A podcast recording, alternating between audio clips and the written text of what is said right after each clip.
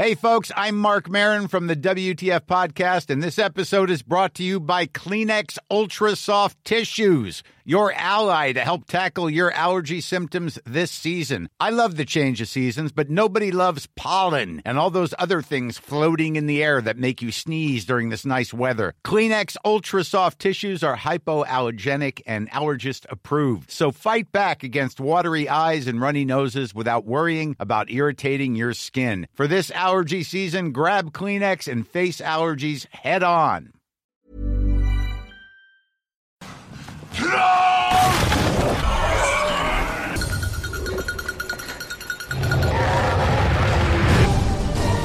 I'm going to give the people what they want sensation, horror, shock. Send them out in the streets to tell their friends how wonderful it is to be scared to death.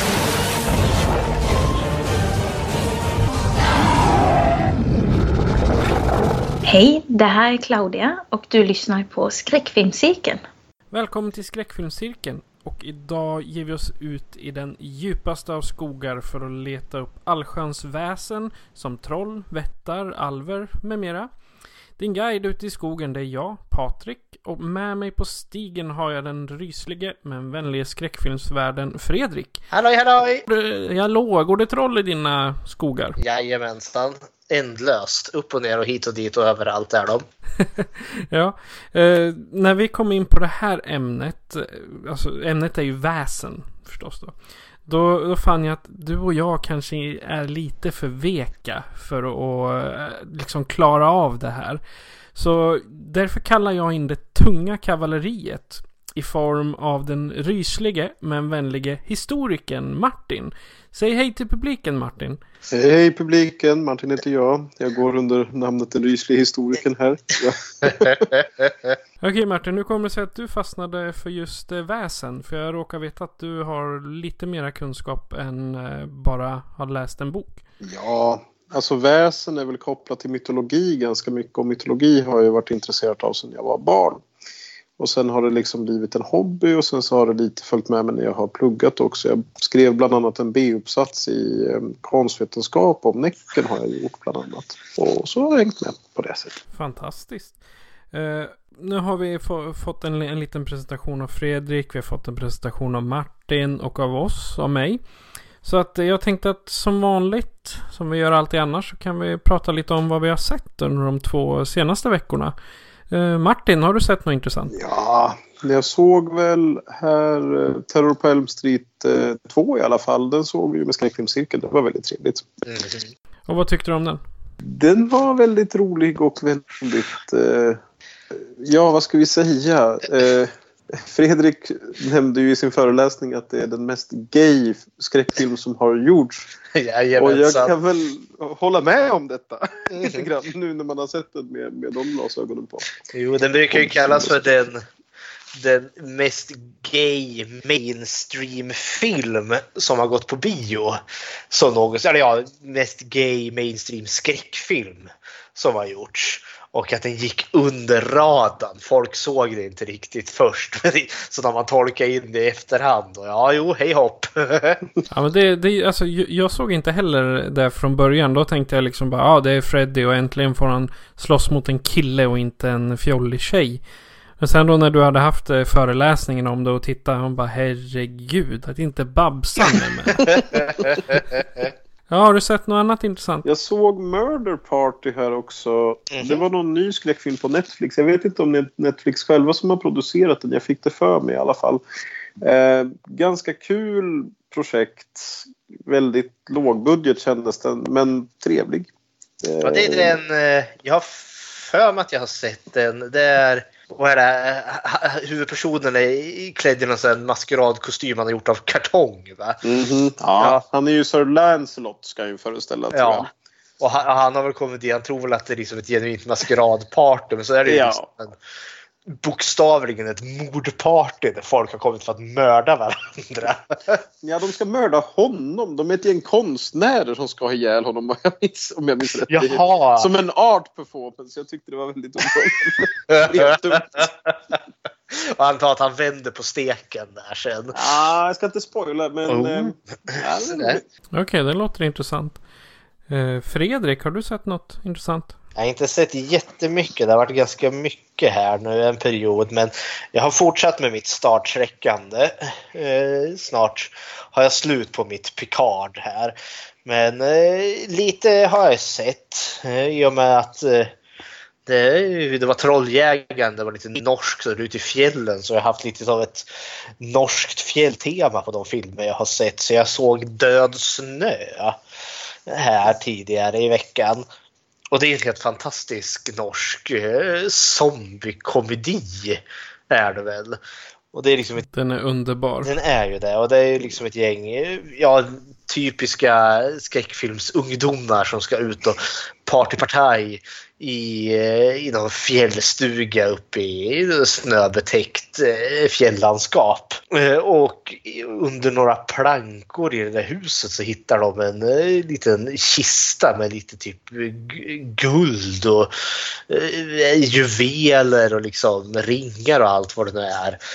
Och det visar ju sig att det tillhörde ju någon bataljon utav nazister som var där och ockuperade Norge back in the days. Som då plundrade folk eh, i sina illhärjningar där när de ockuperade stället. Och det här är deras tjuvgods. Eh, men hela typ bataljonen var tydligen begravd i en lavin. Så deras liksom frusna lik ligger där ute i, i, där ute i snön. Men när ungdomarna får fatt i det här guldet då vaknar liken igen för de är så onda, så onda som få så ska de ha tillbaka det här guldet. Och så kommer de Det är så här lite typisk slasherfilm och så med norrmän dessutom. Ja, slasher fast med zombies då egentligen. Och sen är det ju, ja det är ett sjuhelvetes blodbad. Den är liksom Eh, ja, den är väldigt medveten om vad det är för en typ av film. Det finns en scen närmare slutet då de få överlevande ungdomarna som finns kvar står på ena slänten utav eh, någon kulle och så har du alla zombie-nazisterna på den andra. Och så bara drabbar de samman, kommer springandes mot varandra i mitten och en av ungdomarna har en hammare och en skära. Och så slår han ihop dem så att det blir den här kommunistiska hammaren och skäran. Och zombie-nazisterna bara fräser som nazister vid ett kors ungefär.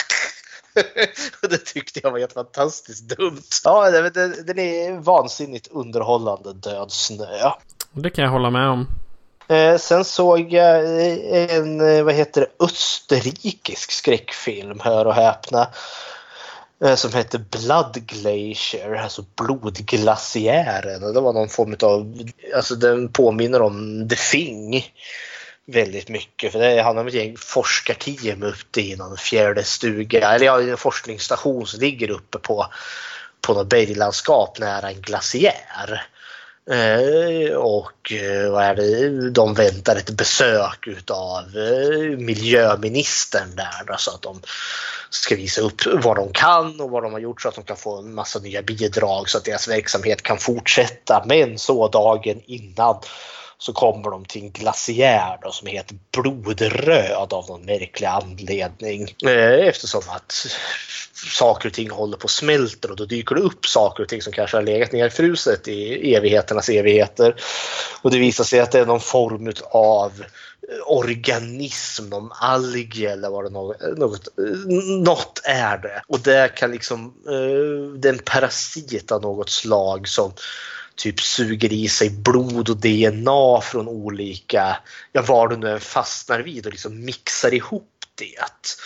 Eh, och sen liksom planterar sig i en levande värld och sen föds det ut något liksom eh, brott mot naturlagarna till mutant. Så det, det kan liksom vara som en räv som har blivit ihopblandad med en gråsugga eller något sånt där.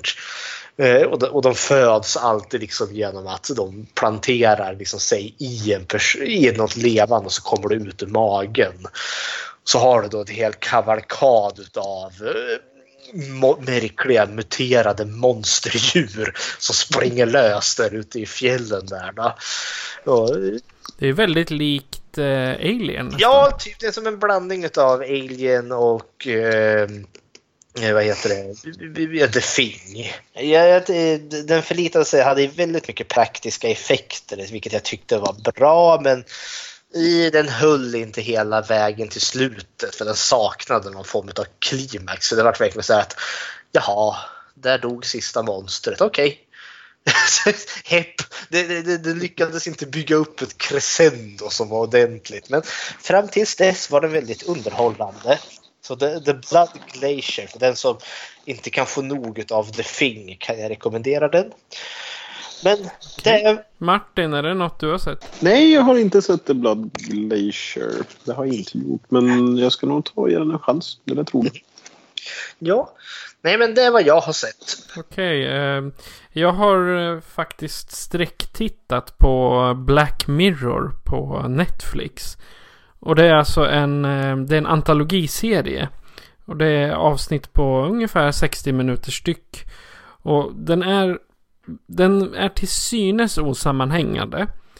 Men det är, genom alla avsnitt som jag har hört, någonstans så går en låt. Som eh, en av karaktärerna sjunger i första filmen. Jag har inte kunnat sätta fingret på exakt vad det är som innebär, alltså vad låten innebär. Men eh, herregud vad jag är fast. Och det, det, är så skönt med de här avsnitten. De är korta och det är filmer som lämnar öppet för liksom, nej men vad händer nu? Varför blev det så? Varför gjorde han så? Och det, det, det gillar jag med antologier. Det är inte flera filmer som hör ihop. Utan det är flera olika fristående. Sen kan jag tänka mig att i slutet nu, det jag är på säsong tre, så någonstans måste det ju liksom knytas ihop. För det är ett sånt här high-tech eh, universum. Man kan säga eh, ett av avsnitten där lever alla människor genom sociala medier. Så att när, när du går ute på stan då kan du betygsätta människor med stjärnor.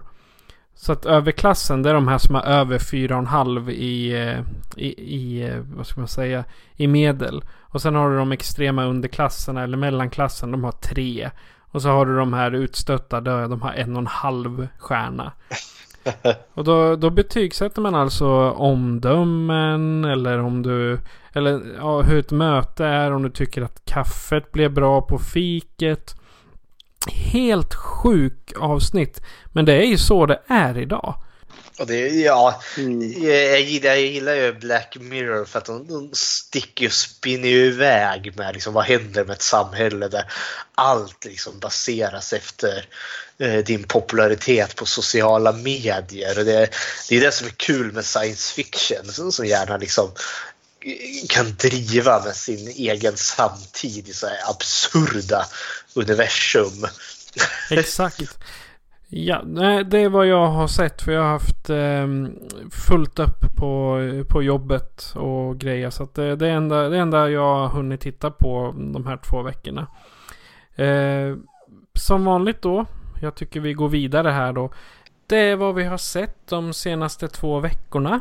Så eh, jag tänkte vi fortsätter i det klassiska och Eh, vi kan väl ta varsin topp tre vad gäller filmer med tema väsen. Jag tänkte du ska få börja Fredrik. Ja, det var ju jag som satte det här temat. Det slog mig sen här liksom att det är ett litet luddigt eh, begrepp just väsen. Jag fick lite svårt när jag skulle göra min topp tre men jag tänkte så här, ja det här är liksom folksagor och då tänkte jag typ magi. Så det var det som fick bli min liksom, tolkning av vad ett väsen var. Eh, så då valde jag på min tredje plats filmen Leprechaun.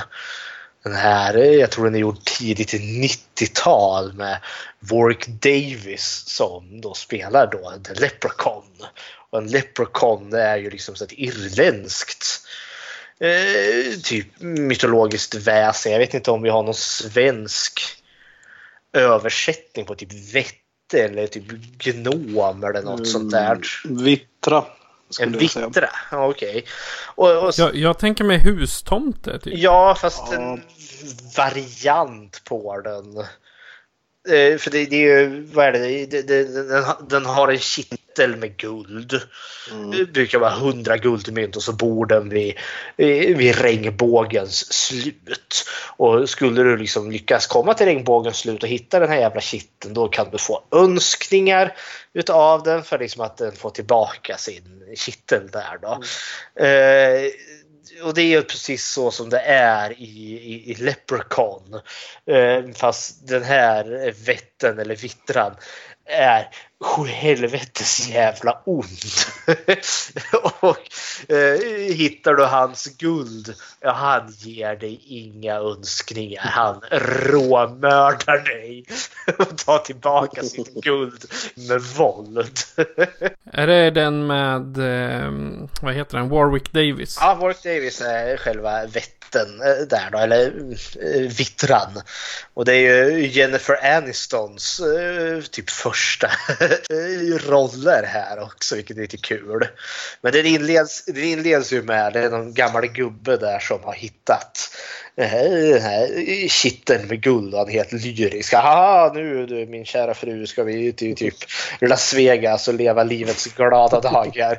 Men eh, så dyker ju vätten upp, eller ja, vittran, leprekon, läppran upp där och eh, mördar hans fru. Han typ skrämmer ner henne för en eh, trapp så vad heter det, faller så illa som bryter nacken. Eh, och det märks att terrorn på Elm Street var väldigt populär som karaktär. Freddy Krueger för The Leprechaun. Han är väldigt liksom eh, vad heter det, underfundiga, väldigt elaka, liksom komiska kommentarer. Men den här, hennes eh, make då, eh, han, han vet ju att den här har nämligen en svaghet och hon gillar inte fyrklövrar vilket tydligen är någonting som leprechauns gärna förknippas med. Men typ en ond leprechaun är typ, det är typ solljus som för en vampyr. Så är en fyrklöver för en ond leprechaun. Så han kan besegra fanskapet och lyckas stänga ner den i en låda som han spikar igen och så lägger han den där fyrklövern ovanpå. Så kan den inte komma ut. Men så får han en hjärtinfarkt och faller ihop i en liten hög. och sen eh, 15 år senare så flyttar Jennifer Aniston och hennes familj in där. Liksom, vilket fint hus, och vad är det här för låda? Så, så vad heter, blåser de bort den och fyrklöven försvinner och ut kommer han! Och så blir det liv i luckan. det, den är synnerligen B, men den är väldigt underhållande tycker jag. Ja, det vart både en tvåa och en trea på den. Alltså, ja, det, det, yep. det är, jag tror det är eh, sju filmer i dagsläget. Ja, en fyra. Fyran är kul. Leprechaun 4, In Space. Ja, annars gillar jag ju femman och sexan. Det är ju Leprechaun in the Hood. Han går gangster. Liksom. Det är helt vansinne. Jag sitter och bläddrar på Warwick Davis eh, ut, utbud av filmer och han spelar typ bad guy överallt och så är det nästan bara skräck och sci-fi. Mm -hmm. han, hans stora roller är väl onekligen uh, Willow spelar han ju i och så är han ju en utav uh, lärarna i Harry Potter också. Ja, och i, han är till och med med som röst i ett av spelen. Jaha, så där. Jaha, vad är din nummer tre Patrik? Min nummer tre det är faktiskt Blair Witch Project. Eftersom jag gillar ju fan footage och vartefter man ser Blair Witch Project eller säger sig själv. De ska ut i skogen och leta efter en häxa. Och jag tycker den är eh, så skön med, med tanke på att den satte igång found footage-boomen. Plus att den hade en budget på bara 25 000 dollar. Och ett utkast på typ 35 sidor till manus. Och det, de, det skrämmer ju fortfarande upp eh, skit. Det spränger, spränger, skrämmer skiten ur folk även idag. Mm -hmm. Så att eh, jag gillar ju Blair, Blair Witch Project inte bara för filmen utan också för hur de sålde in den. Med de här fejkade missing person-lapparna eh, de satte upp och Ja, och arbetet. Ja, men de, de lyckades få ner 19 timmar material till 90 minuter. Mm, jag för att man gjorde väl en hemsida mm. också. Liksom, och detta var bara som är, det är liksom det är ett tidsdokument för den är väl gjord 98 97 där någonstans. Så det är lite så här före de sociala mediernas tid och liksom internets typ, ja början är det väl inte, men liksom när internet väl börjar bli stort. Det är en annan era. Det är lite nostalgi det har jag till den. Vad tycker du Martin? Om Larridge Project eller om? Ja, precis. Personligen har ju jag svårt för fan footage. Um, det är ju något jag brukar ta upp på skräckfilmscirkeln ganska ofta. Det är min eh, ja, genre jag inte tycker om helt enkelt. Men eh, det är väldigt personligt också. Jag har absolut inga så bra argument för det egentligen. Utan jag tycker bara att det är jobbigt med shaky cam. Jag tycker att det är jobbigt med folk som springer runt. Och det är med skrik och gap. Det finns bra found footage-filmer. En av dem är faktiskt med på min topp tre här. Men eh, överlag tycker jag att det mesta är skräp. Men Blair Witch Project tycker jag är helt okej okay när jag såg om den. När jag såg den som ung, jag var, kan inte varit mycket äldre än 15, men det var nog yngre ändå. Eh, när jag såg dem så blev jag arg och ville ha pengarna tillbaka för jag tyckte att det inte riktigt levde upp till mina förväntningar. För det var en ganska stor hype kring den här filmen. Du vart blåst helt enkelt. Ja. Fick ju inte se häxan. Vad är det här för skit? Nej, precis. Det var lite det min unga pojke tyckte. Så jag var ganska arg. Jag kommer ihåg, det var jag och en kompis, Martin heter han. Eh, vi satt och kollade i hans pojkrum mitt på dagen. Vi hade dragit, dragit ner persiennerna. Vi hade ju aldrig sett något liknande innan. Vi satt liksom bara i tystnad och liksom bara liksom förfasades. Vi, vi var alldeles skräckslagna nöjda efteråt. Men, så det är så kul att höra eh, din reaktion. För de flesta jag pratat med har liksom tyckt att den var så förfärlig så det var inte klokt. det är så kul att höra dem som bara, men vad fan, vad är det? Okej, okay, ja men det, det, är inte det, det, är inte Filla men då, då säger jag Martin, vad är din nummer tre? Min nummer tre är en film som faktiskt är ganska dålig men rolig. Vittra heter den. Och den handlar om, inte, alltså Vittra är ju så här små underjordiska väsen som bor under jorden då, och de har egna liv och sociala eh, kontexter och trivs väl med det och är liksom så här egna samhällen på något sätt. Eh, jätteintressanta. Eh, men det här handlar inte filmen Vittra om. Den här filmen handlar om när Johannes Brost skjuter ihjäl ungdomar ute i skogen. eh, och goes apeshit. Den är jätte, jätterolig om man bara ser den utifrån det. Vittra blir någon typ av så här, ja, men dead som dyker upp och försöker mörda ihjäl folk. Mm. Eh, mycket underhållande film. Har det beskrivits typ som en svensk Evil Dead? Ja, och det kan jag nog skriva under på. Jag, jag är ju tämligen förtjust i B-filmer överlag. Eh, och gärna med lite splatterinslag och här eh, får man sin fill. Och det är jätteroligt att Johannes Brost är med verkligen. Ja, för visst är det så. Det är, det är någon som går bli biten utav vittran som ah. källaren och så typ sprider det sig som någon form av demonbesättning eller zombievirus. Typ. Det, och det tappas kroppsdelar och bits hejvilt och slits och rivs i folk och folk rusar omkring och det är sjukt dåligt skådespeleri och det är Nej, glorious. Jag för mig, I slutet får man se vittran. Då dyker ja. den upp där som någon snustorr gammal eh, skinntorr gubbe där som ja. dyker upp ett hål i backen och väser. och det, det, här är ju helt klart absolut inte, vad heter det, har ingen historisk relevans överhuvudtaget ska vi säga den här filmen men den är fantastiskt rolig. Mm. Jag tittar på, eh, på, eh, på IMDB på de där och en mm. del av de som är ganska ledande i Vittra, alltså centrala karaktärer, de har gjort en hel del skräck. Mm. Tänker som eh, Lisa Henny som spelar Ida. Ja. Hon har ju gjort, alltså hon, hon bland annat Haunted Evil Dead kom i år med henne. Mm. sen var det några serier, hon, hon spelar mörka karaktärer om inte mm. annat. Cool. Eh, som, ehm, och sen kom det förra året. Old Shadows är det som är på gång nu också. Mm. All right. Nåväl, nåväl. Ja. Då så, Fredriks nummer två. Min nummer två, det valde jag Wishmaster, Wes Cravens fantastiska film. Det är ju liksom, det är ju inte en ande i lampa utan det är ju en ande i eh, i en sten, har för mig att det är. Typ juvel. Eh, jag tänkte an, eh, andar, eh, klassiska önskeandar.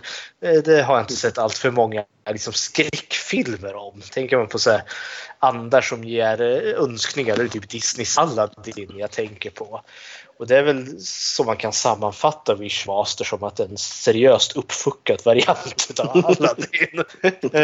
för det är precis i, i den här så är det någon, eh, de har någon, eh, det, ska, det är någon museiutställning har jag för mig att det är och de ska boxera dit en massa statyer från typ det assyriska riket eller Sumer eller vad det nu ska vara. Och så är det någon, eh, när de ska liksom frakta över de här stora statyerna så är det någon som slarvar och statyn bränner i backen och går i tusen små bitar. Eh, och i den så finns den här liksom rubinen och huvudpersonen hittar ju den och liksom den här ser så gnuggar de lite på den och vad händer då? Jo, då kommer ju anden. Eh, men Uh, anden ger ju önskningar, uh, men det är alltid en mörk liten twist på det hela.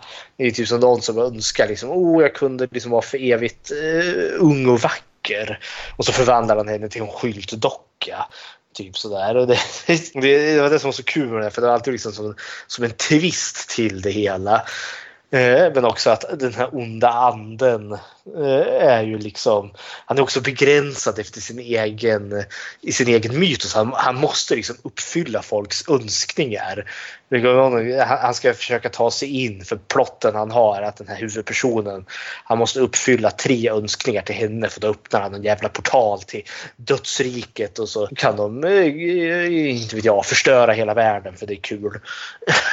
Men eh, han, han, han uppfyller ju önskningar även till personer som han bara springer på.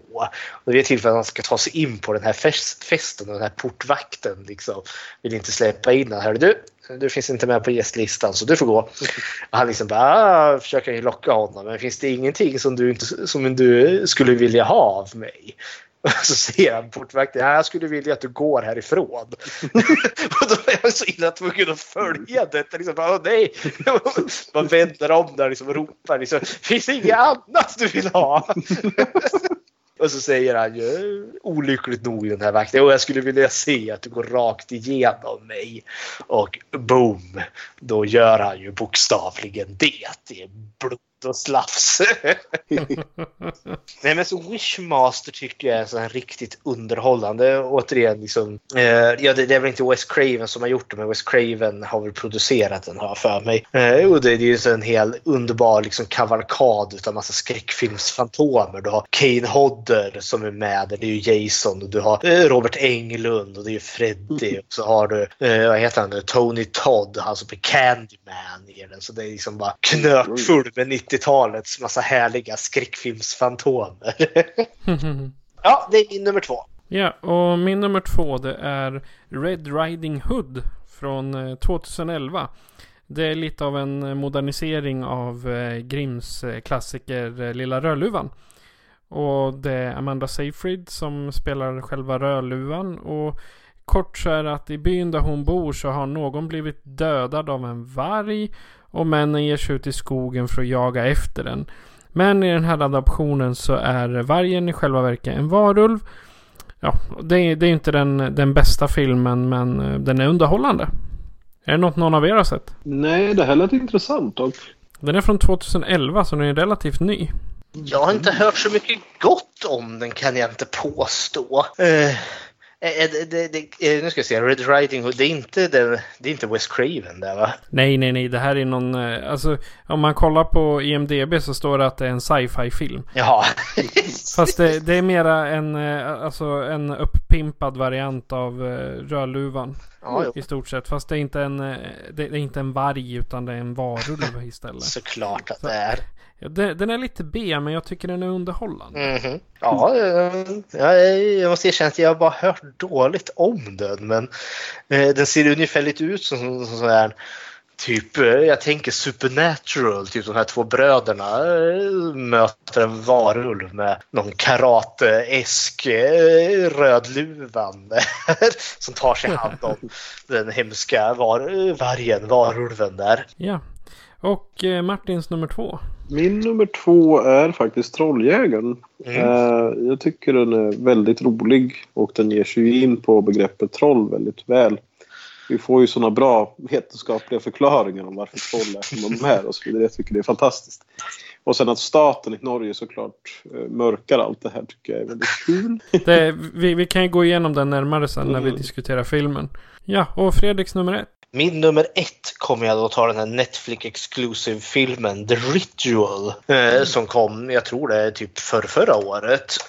Jag slarvade ju mig eh, lite, jag hade ju med en föreläsning där jag snackade om uh, backwood horror jag hade 70-talsfilmen Rituals, ritualerna. Och med fyra läkare som då blev förföljda av en, tok, en tokig typ krigsveteran som ska ha sin hämnd på dem. Eh, och eh, när jag, sen såg jag liksom typ eh, trailern eller läste lite om just The Ritual. Det kändes så likt liksom några som är ute och turistar i skogen och så möter de någonting konstigt. Så jag trodde det här var remaken på den. Så jag nämnde ju det i min föreläsning att jag hör det här är remaken minsann. Och sen såg jag ju den sen och insåg att nej du, det här är ingen remake på den. För det är ju liksom någon form av seriemördarthriller och det är det ju inte den här för det är ju ett gäng turister som är ute och far i den svenska skogen där. Och eh, så sker det en massa eh, spökligheter och konstiga saker där.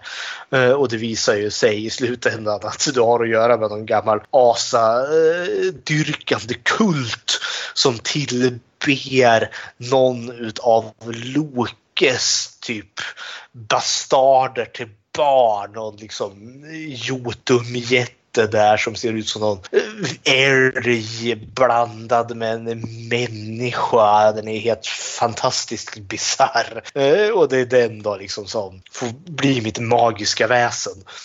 Eh, jag tyckte The Ritual var helt fantastisk och det är väldigt mycket monstret som gör den för jag har aldrig sett något liknande liksom, skapelse för den är jättefascinerande i sig. Och så är den jättekrypig krypig för den sparar verkligen på sitt monster fram till slutet vilket jag tycker en bra liksom, så här, monsterskräckfilm ska göra ungefär som Hajen. Man, liksom, man sparar på Hajen fram till slutet. Man har bara hintat om att den finns och sen i slutet kommer den i hela sin glorious storhet där den kan erbjuda dig sådana fantastiska saker att du kan få leva i evighet men du kommer hamna i en kruka i slutändan. Men vill du inte leva i evighet, ja då spetsar han dig rakt på en gren där på en gran någonstans i närheten så du hänger där som juldekoration. så det, jag tyckte det här var helt fantastiskt. Så det är min nummer ett, The Ritual.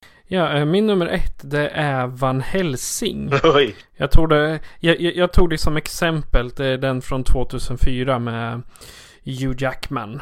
Som badass Van Helsing. Han är, alltså han finns ju i flera filmer än den från 2004. För jag tror den 2004 är väl typ en remake av en remakes remake. Uh, och men gemensamt är att han är en awesome karaktär som spöar skiten ur alla vampyrer och demoner. Mm. Och framförallt att jag gillar Van Helsing är för att nu på senare år så har Netflix släppt en rip-off med en arvinge till Van Helsing. Vanessa Van Helsing. Som, som också slåss mot eh, vampyrer i en värld där vampyrerna har tagit över liksom allting. Så att, men han är, det, för mig är han mer en, är det, är det Van Helsing alltså som karaktär och hans eh, kamp mot det onda som gör att det är så pass eh, en, en bra grej. Mm. Liksom, det, gör, det, det är det som gör inte just den filmen utan det är karaktären Van Helsing. Mm.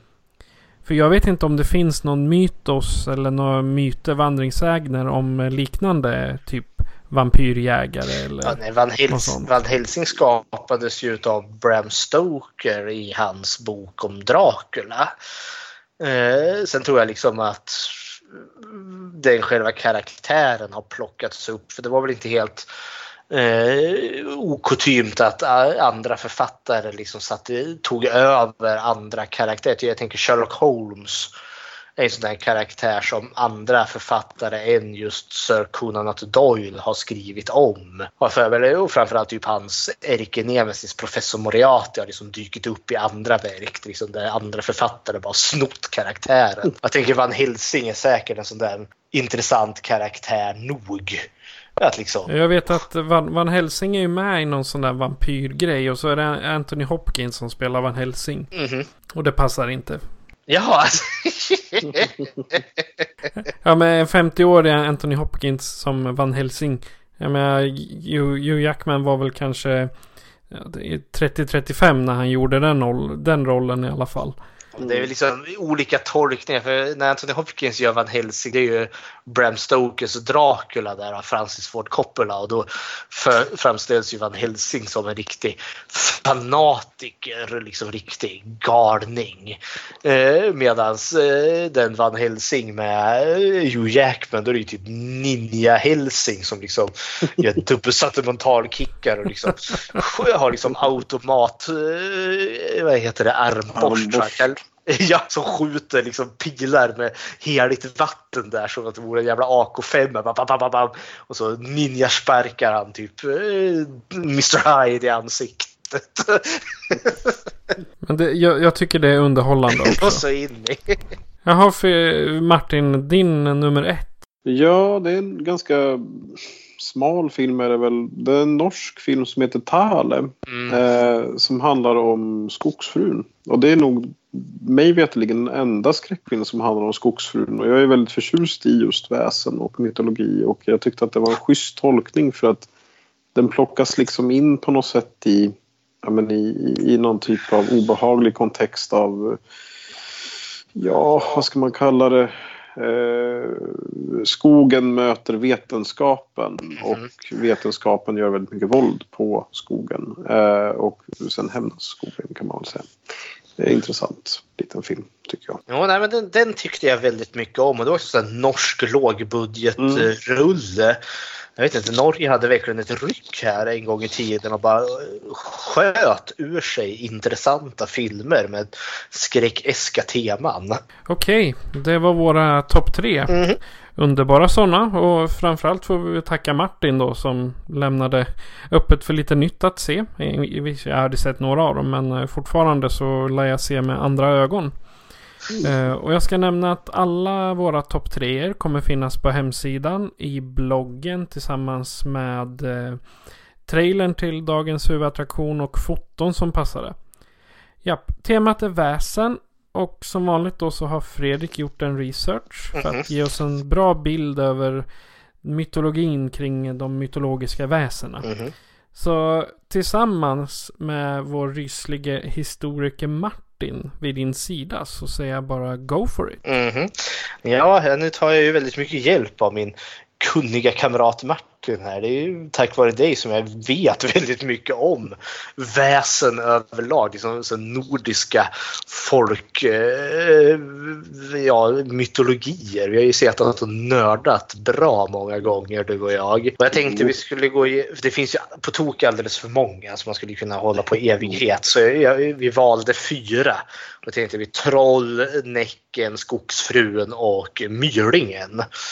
Eh, För det är så de som någorlunda tenderar att dyka upp mest i populärkultur sen. Och jag tänker att då börjar vi med det, det klassiska av dem alla och det är ju trollen. Jag tänkte trollen, när jag bilder som jag får direkt i mitt huvud är ju liksom att jag växte upp, bläddrade jättemycket i, i en bok där, där det fanns stora fräsliga troll som är med så stora näsor och de var jättelånga och hade den där svansen med en liten tofs på. Och det visade sig i slutändan att det var John Bauer. Eh, så det var liksom min bild och så växte jag upp med den här trolltyg tomteskogen. så det var ju också min bild där av troll. Där liksom stora klumpedunsen som är liksom komplett dum i huvudet. som är, så, så, och jagar de här små tomtarna där. Liksom, där en står på ett svampfält och bara slår på varenda svamp han ser. Liksom, bara, jag mejar ner en hel tomt där med. Eh, och trollmor och allt det där. Nej, men bilden jag har av ett troll är ju just liksom en- stor ful varelse med väldigt stor näsa och stora öron som bor i grottor eh, och eh, eh, rövar bort barn och tycker inte om solljus. Det är typ den bild jag har av troll. Mm. Stämmer det någorlunda? Ja, det gör det väl till stor del. Men jag ska försöka nyansera dem lite då. Alltså troll är ju ofta... De bor som så många andra väsen i, i familjer och de bor ofta liksom bredvid oss människor och de är ofta osynliga eller de har liksom inte riktigt... Man kan träffa på dem och man kan ofta göra deals med trollen. Och troll är inte alltid onda utan de kan vara ganska trevliga. Eh, men de är ofta liksom en, en, symbol lite för det som är tvärt det mänskliga. Trollen är ofta burdusa och de kan ofta vara ganska brutala och de kan göra dumma saker och såna här saker. Det, det är liksom, de är någon typ av antites till ordning. De är, de, man skulle kunna beskriva dem som väldigt eh, eh, men liksom så här primala. De, de, de vill liksom inte riktigt mm, rätta in sig i ledet och göra som, som vi vill. Eh, med ordning och sådär. Utan det är oordning och det är kaos och det är troll för mig. Mm. De, och de är väldigt förtjusta i, som, som du sa Fredrik, att röva bort barn till exempel. Mm. Och då brukar de ju byta ut barnet, antingen med ett av sina egna barn. Man brukar ju prata om bortbytingar rätt mycket. Mm. Och det här fanns det ju ganska otäcka exempel på historiskt faktiskt att eh, människor har försökt göra sig av med barn som de ansett vara just bortbytingar då. I form av att eh, det fanns en sedvänja som jag tycker är helt groteskt. Och skulle man ta ett barn som var liksom, ja men fel på något sätt enligt de här människorna och stoppa in det på en brödspade i ugnen när Oj. ugnen var varm. För att då skulle ju trollmor komma rusande och ta barnet och lämna tillbaka barnet och säga mm. så ogin var jag då aldrig mot din unge. Nej. Eh, och det här tycks ha varit någonting man, man faktiskt praktiserade. Ja, jag tänkte jag har ju hört de här berättelserna också. Liksom. Släng, mm. släng, släng, släng barnet i elden, typ. Ja. Eh, och eh, jag tänkte på när vi hade vårt varulvsavsnitt så kommer jag ihåg att jag liksom baksidan av mytologi. För det fanns ju någon, någon typ av varulv, där liksom varulvens förbannelse. Det var i Mexiko för mig. Där liksom det, förbannelsen gick liksom som någon form av släktarv. Mm. Eh, och eh, ett sätt att bli av med varulven där då var liksom att ja, du kan inte bara ihjäl varulven utan hela familjen måste ju ryka för annars är det bara nästa person som blir varulv. Mm. Och jag tänkte det här är ju också en, kanske en variant utav det. Det här lär ju ha hänt att folk har slängt in sina barn i elden. Jag tror ju också att det här ofta kan ha varit eh, missbildade barn eller barn mm. som har haft en, en, en ja, ja, som har varit annorlunda helt enkelt. Ja. En eh, eh, otäck detalj med varulven som du nämnde Fredrik. Det finns en eh, svensk skröna kring den om hur man blir av med varulvar också. Det är en ganska grotesk historia. Det är att eh, varulven eh, kan ju bli människa igen men då måste den finna kvinnan som den har gjort eh, gravid, alltså som när de var en man. Och sen så måste den äta upp den kvinnans foster innan det. Uh. Mycket mörkt. Mycket. Och en tanke som får upp i mitt huvud direkt där då, ja det är tydligen bara män som blir varulvar då. Ja, varulvar är i regel eh, män. Rakt av. Ja. Det finns inga kvinnliga varulvar inom den tidiga, eh, vad jag vet, mytologin. Mm. Eh, oftast är varulv också någonting man blir genom förtrollning i den svenska ja. mytologin. Då kan man ha gjort något dumt mot någon. Eh, som är trollkunnig och då kastade den, den det som en förbannelse över den och det är därför varulven är trebent. Ja, just för att ena benet, blir, ena benet blir ju svansen. Mm. Ja, kära någon. Men jag tänkte, troll då? Har de sådana här mm. mytiska eh, bakgrundshistorier? Kan du, kan du bli ett troll eller troll föds eh, som av sig självt? Nej, alltså troll är ju troll. De, de, de föds ju eh, som troll och de lever i trollfamiljer. Eh, och är väldigt liksom sådär eh, familjära med varandra. De, det de kan göra, det du kan ha otur att bli, det är ju att bli bergtagen. Och då får du bli en del av trollens värld istället för vår värld. Det här drabbar både män och kvinnor. Och det finns historier om, om män och kvinnor som eh, försvinner i skogen. Och då tror man att då har de blivit tagna av trollen. Och sen så försvinner de. Och i vissa fall så kommer de inte, aldrig tillbaka. Och i andra fall kommer de tillbaka. En mm. intressant historia kring det här det är en man vars fru har försvunnit i skogen mm. för sju år sedan och han bestämmer sig efter de här sju åren för att gifta om sig. Och eh, kyrkan går med på det här. Det är ju inte helt kutym eftersom man har inte hittat hennes döda kropp och hon är inte begravd och så. Men man har kommit fram till att nej, men det är nog lika bra att han får göra det. Då. Men på hans bröllopsdag så kommer hans hustru, hans gamla hustru alltså, och eh, knackar på porten och ber släpp in mig, släpp in mig. För, jag måste, för, för det här är enda chansen att jag kan komma tillbaka. Men mannen väljer att inte öppna dörren och hon måste återvända till trollen i berget. Ja.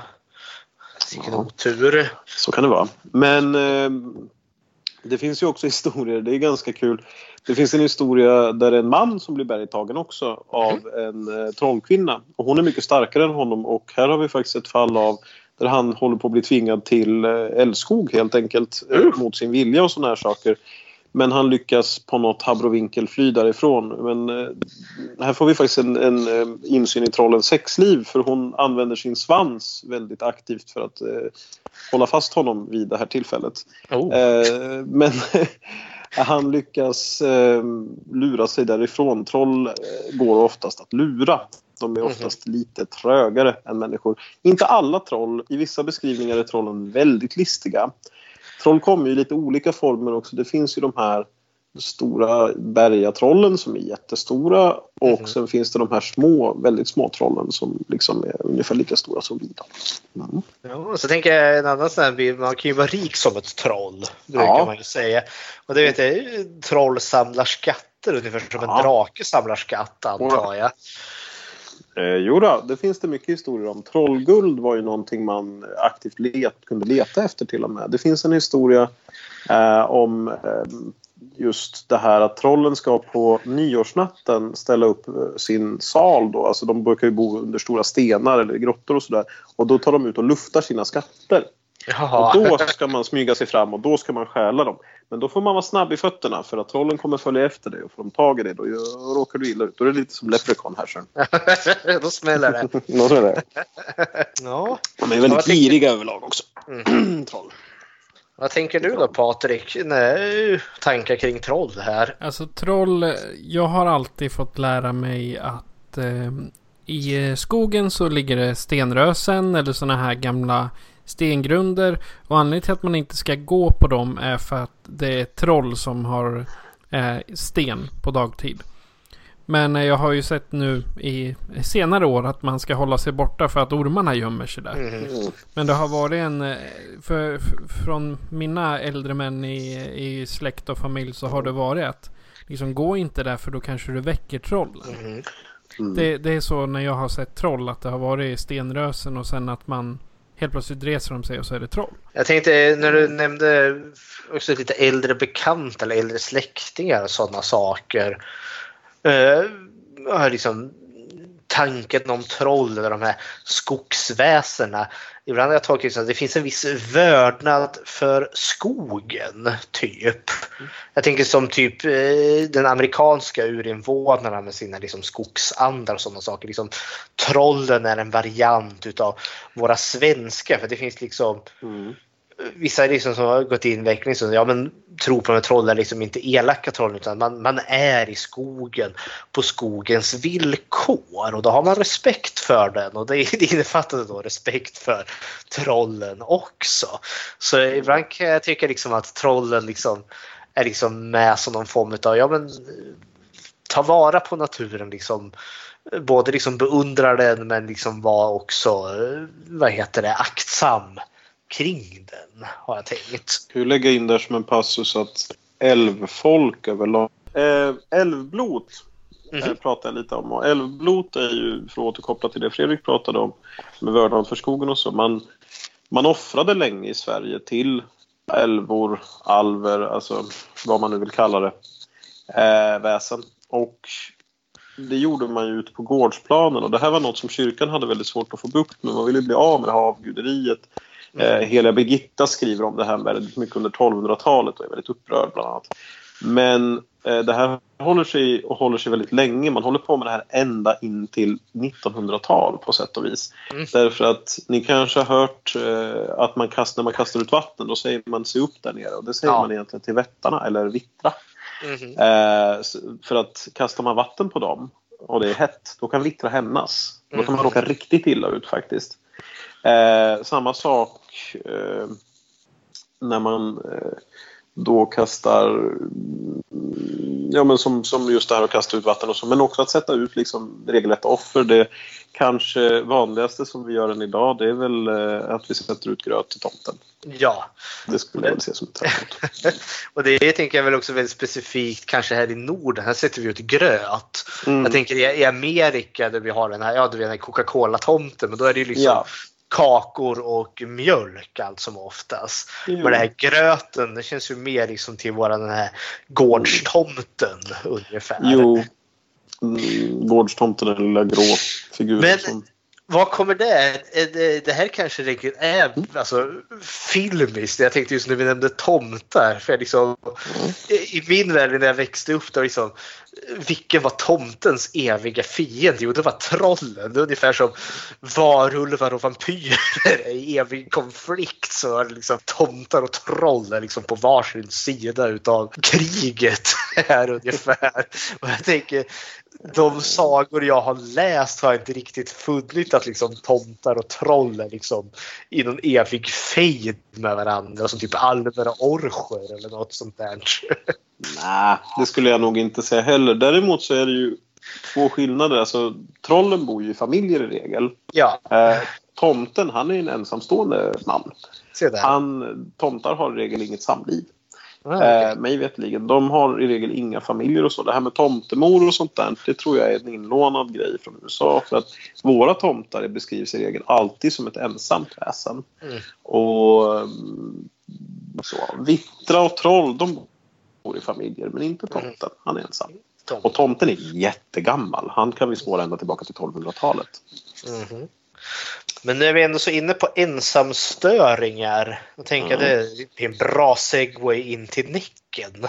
För det är väl, en, eh, åtminstone i min eh, förståelse om Näcken, en ensamstående elak typ egentligen som sitter naken i, eh, nära ett vattendrag, oftast vid en flod eh, och spelar på sin fiol eh, för att locka ner folk inte ont anande till sin död i, i, i ett vattenbryn. Och vad tänker du Patrik när, när, när vi säger näck? Alltså jag har eh, läst mycket om eh, folktro. Jag tittar mycket på, eller läst och läst. Eh, jag har lyssnat på mycket poddar om folktro. Och eh, typ creepypastas och liknande. Så att när det gäller äldre väsen, särskilt i Norden. Jag har i stort sett alltid sett dem som sätt att varna eller skrämma bort. Jag menar, Näcken det är ju för att barnen inte ska gå ner och bada. Liksom, utan att någon är med. Det är lite så jag tänker. Ja, och vad tänker du Martin? Jo, Näcken har jag ju skrivit en del om. Han är jätteintressant tycker jag. Det finns Mhm. en fantastiska konstverk som har gjorts också av honom. Ehm, Men det som jag skulle säga om Näcken främst kanske är att Näcken skulle jag räkna till dödsväsen. Alltså som jag förknippade med döden väldigt mycket. Näcken eh, är ju i regel en figur som för död med sig.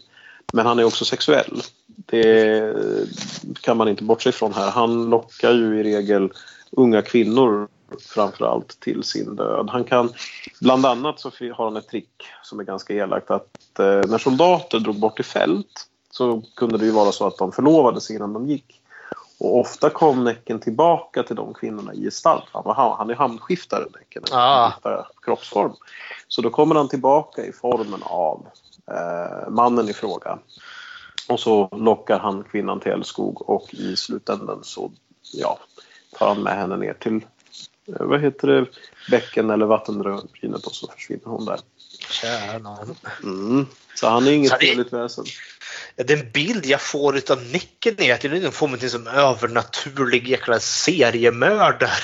Ja, han är, han är obehaglig. Han, han är inget trevligt väsen alls faktiskt. De flesta andra väsen kan man ju få ut något av. I och för sig finns det saker du kan få ut av Näcken också, men då måste du förskriva din själ. Och här tror jag att vi har en koppling till, till djävulen också. För att Näcken kan du ju lära dig att spela fiol av. Det finns ju, ni har säkert hört talas om Horgalåten.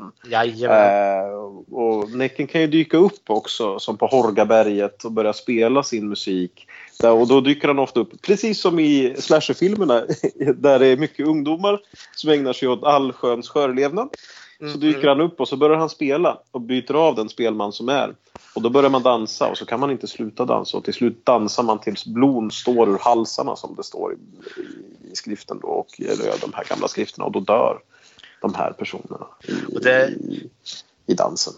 Och det, det har jag förstått liksom. eh, Det, man dansar bokstavligt. i s- Sulorna på skon Ja. sönder och sen går liksom huden på hälarna sönder och sen är du ner på liksom dansar på dina benbitar. Ja, Det är ju hur jäkla groteskt som det är helst. fantastisk skräck tycker jag. Han gör ju andra otäcka saker också. Han, han nöjer sig ju inte med män och kvinnor utan han ger sig på barn också. Ja, Men i det fallet så är han ju också hamnskifter och då byter han ofta form till en häst som brukar kallas för bäckahästen. Mm. Och bäckahästen den brukar stryka omkring där det finns barn. Och sen så brukar barnen hoppa upp på ryggen på den för att den lockar ju så. Och, när, och den blir längre och längre och längre och till slut kan den ha en 10-20 ungar på ryggen. Och då sätter han fart för då ska han ner och dränka dem i, i vattnet. Oftast brukar de här sagorna sluta med att någon av de här barnen skriker till exempel kors i Jesu namn och då eh, faller de av för att näcken tål inte att höra eh, Jesus och Ja. Kristus och såna här saker. Och här, här, här får vi ett väldigt tydligt liksom intrång av just då den kristna kyrkan. Som Ja. jag skulle kunna tänka mig att näck, myten om Näcken är äldre än Svenska Ja. kyrkans intåg i Sverige. Ja, det finns en, ett annat sätt också. Det är ju att kasta stål över näcken. Inget oknytt tycker om stål. Det här gäller troll, det här gäller vittra, det här gäller Näcken, Skogsfrun allihopa, va? Mylingen också för den delen. Ehm, men ehm, det är ett sätt. Till exempel när man skulle bada förr i världen. Då Mhm. tog man oftast en kniv och så satte man den i, i vad heter det, strandkanten. Ja, ja. För att på så sätt av, avvärja Näcken då. Då har man liksom besegrat honom. För att Mm. man inte ska drunkna. Mm. Ja, jag, tänker, för jag tänkte när du nämnde bäckahästen där. Alltså, Det Mm. finns någon skotsk motsvarighet som jag för mig heter typ Mm. kelpis eller keplis Ja. eller något liknande. Och det är också någon form av vattenlevande häst som lurar, för den ser till synes ut som vilken vanlig häst som helst och så går du kanske fram och klappar vid den men då är liksom så att den är typ så geléartad som klister så då fastnar du på hästen. Och då, stick, och då sticker, sticker, du iväg, sticker hästen iväg och drar ner dig i djupet. Och enda sättet att liksom rädda dig själv det är att se om du har någon kniv så kan du skära av din hand eller något sånt där. Allra värst är det ju om du har hoppat upp och satt dig på hästen. och kört, då kommer du inte loss. Eller så får du göra det av med något väldigt eh, trevligt. ja. Ja, Näcken är liksom, för jag, de bilder som jag har sett på Näcken är liksom, det är ganska, jag har sett så målningar, jag vet inte, eh, och andra liksom, det är alltid så här en naken ung man med blommor i sitt hår som sitter och spelar. Mm. Det är väldigt somrigt och väldigt fint. Men den bild jag har av Näcken är ju liksom någon mer djävulsgestalt som verkligen är liksom ond som få egentligen. Ja, nej men det är ju ett, ett, ett dödsväsen som sagt som jag ser det i alla fall. Eh, men han, han porträtteras ju väldigt ofta eh, till exempel av Ernst Josefsson som är en sån här klassisk eh, målare från 1800-talet. Så, så visar, visar han ju upp liksom en väldigt trevlig sida. Alltså det är ju den här vackra unga ynglingen som, som liksom sitter där och spelar. Och den finns ju med i någon typ av nordisk romantisk skildring liksom i konsten. Ehm, det finns väldigt få skildringar av honom i, i, som jag känner till i alla fall i hans lite mer ondare form. Liksom. Ehm, för det är inget trevligt väsen. Det skulle jag nog vilja hävda. Kanske vi kan skutta över till skogsfrun då, för henne kan man väl dividera lite fram och tillbaka beroende på hur pass ond eller inte ond hon är. Och när, när jag tänker skogsfrun eh, då, den, det som jag fick lära mig det var, liksom, det var en kvinna som du kunde stöta på ute i skogen. Var som oftast väldigt behaglig och vacker och hon kunde locka på en.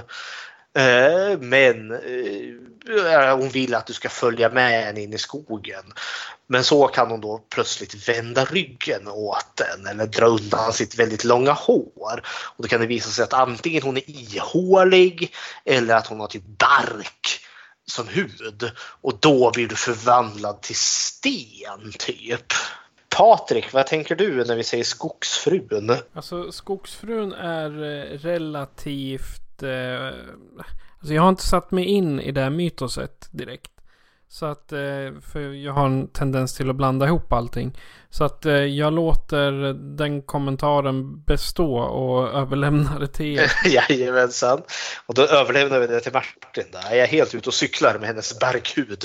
Nej då, eh, skogsfrun eh, och många andra fruar, kanske främst eh, havsfrun eller sjöfrun som hon kallas också, är ju någon typ av liksom sånt här lockelseväsen. Och det här med bark då, det är ju att Antingen så brukar man kunna se hennes rygg som ihålig eller att den är eh, av bark. Att hon förvandlar folk till sten känner jag inte till. Um, men när man ser hennes barkrygg eller svans, hon kan faktiskt ofta ha en kosvans eller en rävsvans också.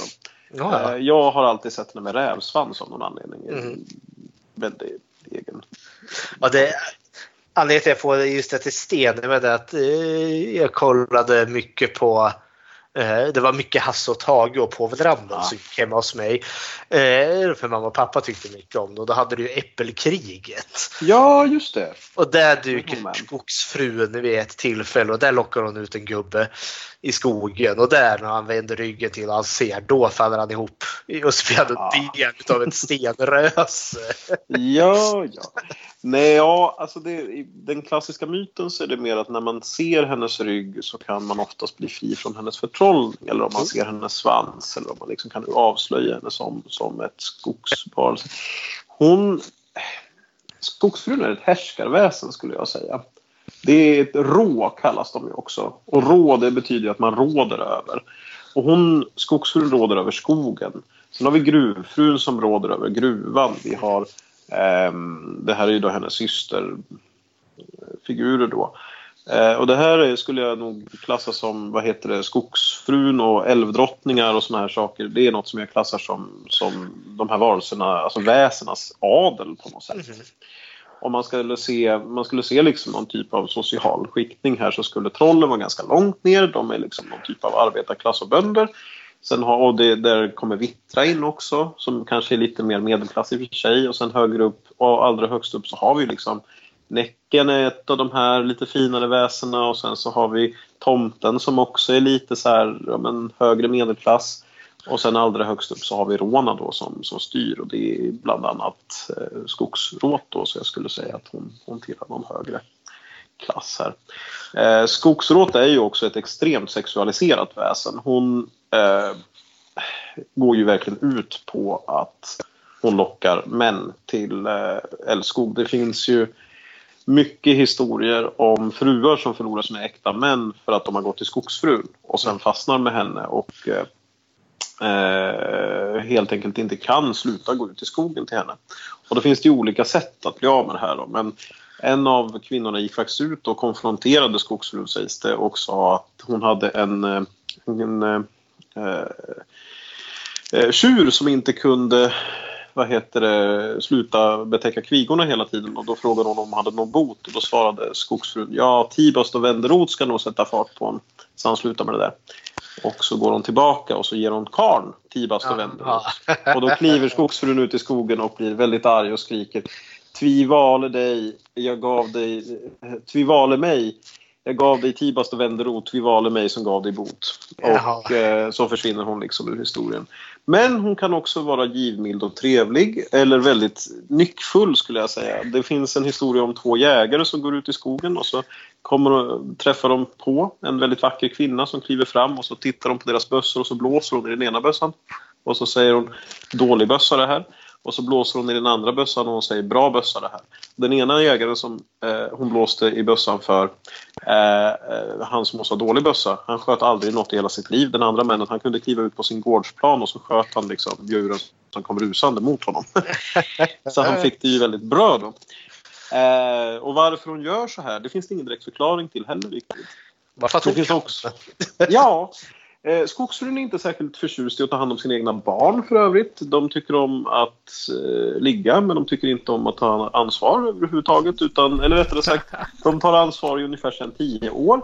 Sen så brukar det knacka på dörren hos någon kolare eller eh, vedhuggare eller vad det kan vara. Eh, och så står det någon pojke eller flicka där, i regel pojkar, eh, som säger Jaha far, nu är jag här. Jaha. Och så har de väldigt gröna ögon. Och så har de kommit från skogen. Och det här brukar bli framstående personer.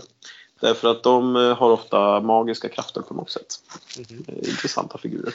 Jag tycker Skogsfrun eller Skogsrået är ett väldigt fascinerande vad Jag kan inte låta bli, precis som du säger, den här hierarkin och just att Mm. Skogsfrun är liksom högst upp här. Och Mm. jag tycker det, det är lite kul att det just vi har ett kvinnligt väsen liksom, som är typ eh, Eh, ja, drottning överallt. Eh, och, och samtidigt är, är jag kluven för Skogsfrun för det är också den här jag får tyvärr in lite den här typiska ganska tråkiga kristna bilden av liksom den sexualiserade rovdjuret till en kvinna. Liksom en kvinna är den som förleder en, en man där. Det är liksom inte så att mannen har något form av, ansvar. För jag, kan, Nej, nej. jag, kan ju, jag kan ju tänka mig att det här är ju använt som en ursäkt liksom, för äkta män då, som är ute och rumlar runt. Liksom bara, nej, nej, det var inte mitt fel. Det var skogsfrun. Oj, oj, oj. Ja, fast du kunde råka rätt illa ut faktiskt. För det finns faktiskt lag eh, överträd. Det är faktiskt olagligt att idka samröre med skogsfrun på det här sättet. Där. Eh, och, det finns, och det finns domar där man har dömts till vite. Eh, alltså att man får betala böter för att man har haft samröre med skogsfrun. För otukt var ju ingenting man såg med blida ögon på under Nej, nej, det är 1600-1700-talet. förstås. Och det här kunde... Men eh, hur, hur kunde man bli anklagad för det? Ja, men det var ju bara någon som sa att jag har sett eh, Karlsola här ute. Han har idkat samlag med skogsfrun. Oj, är... Och sen så stod det ju ord mot ord och kunde man bevisa då att Karlsola här, han sprang ju i skogen och hade sig. eh, Och kanske till och med hade barn på bygden. Säg att det dök upp en unge någonstans. Då Ja. kunde man mycket Ah. väl dömas, dömas för både det ena och det andra. Ja, Bevisets trovärdighet var kanske inte det, det tyngsta. 1700-talet funkar lite så här. Ja, eh, om jag säger att du har gjort något här Fredrik, eh, då, kommer, då kommer det vara, då är du så. Om jag säger att Fredrik han, han springer ut eh, i skogen med skogsfrun, han, då om du låter det stå oemotsagt, då är det sant. Och då måste du liksom göra något åt det. I regel så löste man det här genom att man tog sin yxa och knallade över till grannen, och så, eller till mig då, skulle du göra, och slå den i dörren. Och då har du utmanat mig på duell. Och då ska vi slå ihjäl varandra. Det här var ju inte uppskattat av staten. Nej, nej, nej. Staten jobbade ju stenhårt för att bli av med det här, för de ville ha våldsmonopol såklart. Om ni hade gjort det i verkligheten då hade väl fastighetsägarna om inte annat gått och velat ha Ja. våldsmonopol. Det tror jag också i det läget. Eh, och det finns Här- faktiskt en lag som säger att man inte fick slå eh, yxor i dörrar längre. Det tycker jag är ganska underhållande. Det låter lite som rättegång där liksom den som skriker högst vinner. Ja, och det, det, det är lite så. Vi är ju inne, vi ska komma ihåg att 1600 och 1700-talet, det är då man bränner häxor i Sverige. Ja. Eh, och det är eh, faktiskt eh, mycket hörsägen och mycket utpekning. Och man tror väldigt hårt på de här sakerna. Jo. Det är inte så att man bara avfärdar det här som vi gör som skrock, utan man trodde verkligen på att det fanns troll. Man tror på att skogsfrun existerar. Man tror på, på de här sakerna. Det är liksom ingenting konstigt. Eh, och man tror definitivt på häxor som sätter dåliga saker på en och så vidare. För jag kan inte låta bli att göra en koppling till en av mina favoritspelserier. Och det är då den här science fiction-rollspelet Mass Effect. Det, det möter ju, plotten där är ju liksom att mänskligheten har flugit ut i rymden och nu har vi eh, tagits upp av de utomjordiska varelser som finns där inne och samlat liksom alliansregering. Och där finns det då alla möjliga olika raser och det finns det en specifik ras som heter Asari. Och de består enbart utav kvinnor. Eh, Jag kan inte låta bli att liksom tänka lite på Skogsfrun för de Eh, för skogsfrun är ändå som målas upp för mig som visst en väldigt högst sexualiserad varelse men också en jäkligt handlingskraftig och intelligent sak.